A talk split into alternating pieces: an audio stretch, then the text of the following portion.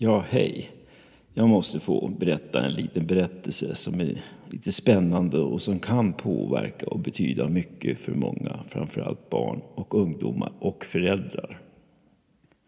Dags för fotboll som engagerar människor över hela världen och är en grundförutsättning för att skapa goda relationer och samvaro och trivsel och förståelse för varandra i olika situationer. Barn och ungdomar kan ibland bli lite besvikna på sina prestationer. Till exempel genom att inte mm, vilja vara med, inte vilja spela och bli ledsen eller arga över att man har missat på någonting. Och hur gör man då för att få laget att kämpa tillsammans? Jag vill inleda med ett litet citat här. Från lagledaren i motståndarlaget till tränaren för det laget som de mötte. Jag skulle gärna vilja ge hela laget ett stort grönt kort då era killar uppträdde speciellt imponerande sportmannamässigt och omtänksamt i några situationer i matchen. Då några av våra killar gjorde sig illa så började de gråta.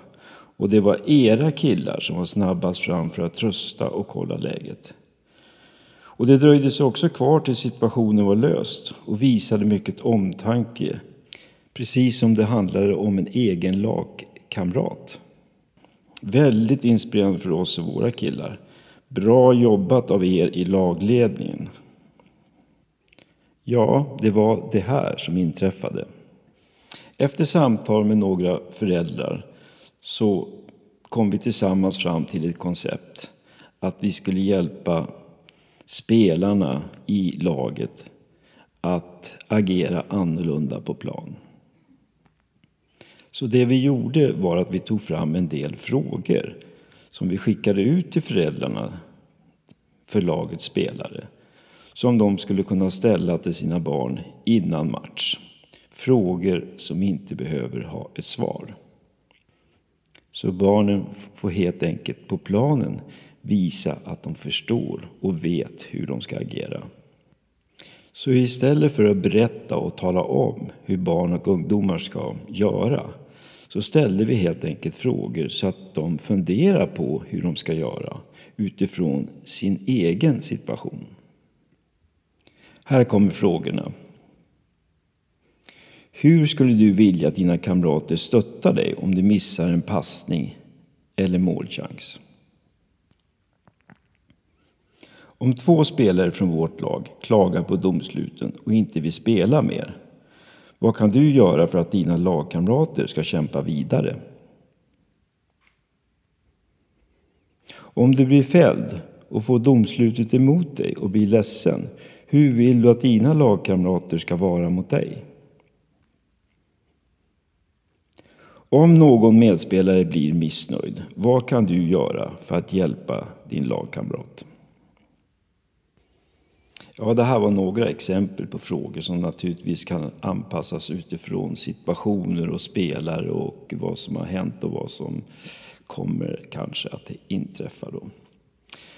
Det viktiga är att frågorna behöver inte besvaras och ska inte besvaras. Och att vi föräldrar inte går in och förtydligar utan det avser enbart att väcka tankar och förståelse. Och det här kommer barnen sedan att visa på planen genom att de visar hur de ska agera. Som sagt, undvik att förklara vad de ska göra. Utan här får de själva möjligheten att visa på planen att de förstår och att de vet.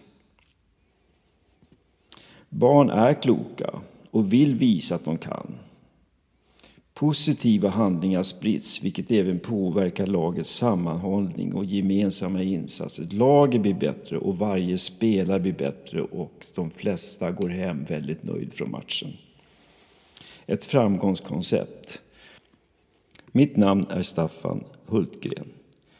Jag är pedagog och har en speciell inriktning mot beteendevetenskap och framförallt mänskligt beteende. Jag har jobbat i många år med bemötande, kommunikation och pedagogik och personlig utveckling. Jag har arbetat vid GIH, Gymnastik och idrottshögskolan i Stockholm och är fortfarande aktiv där med fristående kurser i motiverande samtal. Numera är jag en aktiv senior som gärna bidrar och medverkar om ni så önskar. Så vill du veta mer om det här så kontakta mig gärna. Staffan.hultgren gih.se ja, Tack för att du lyssnade en liten stund och välkommen att ta kontakt.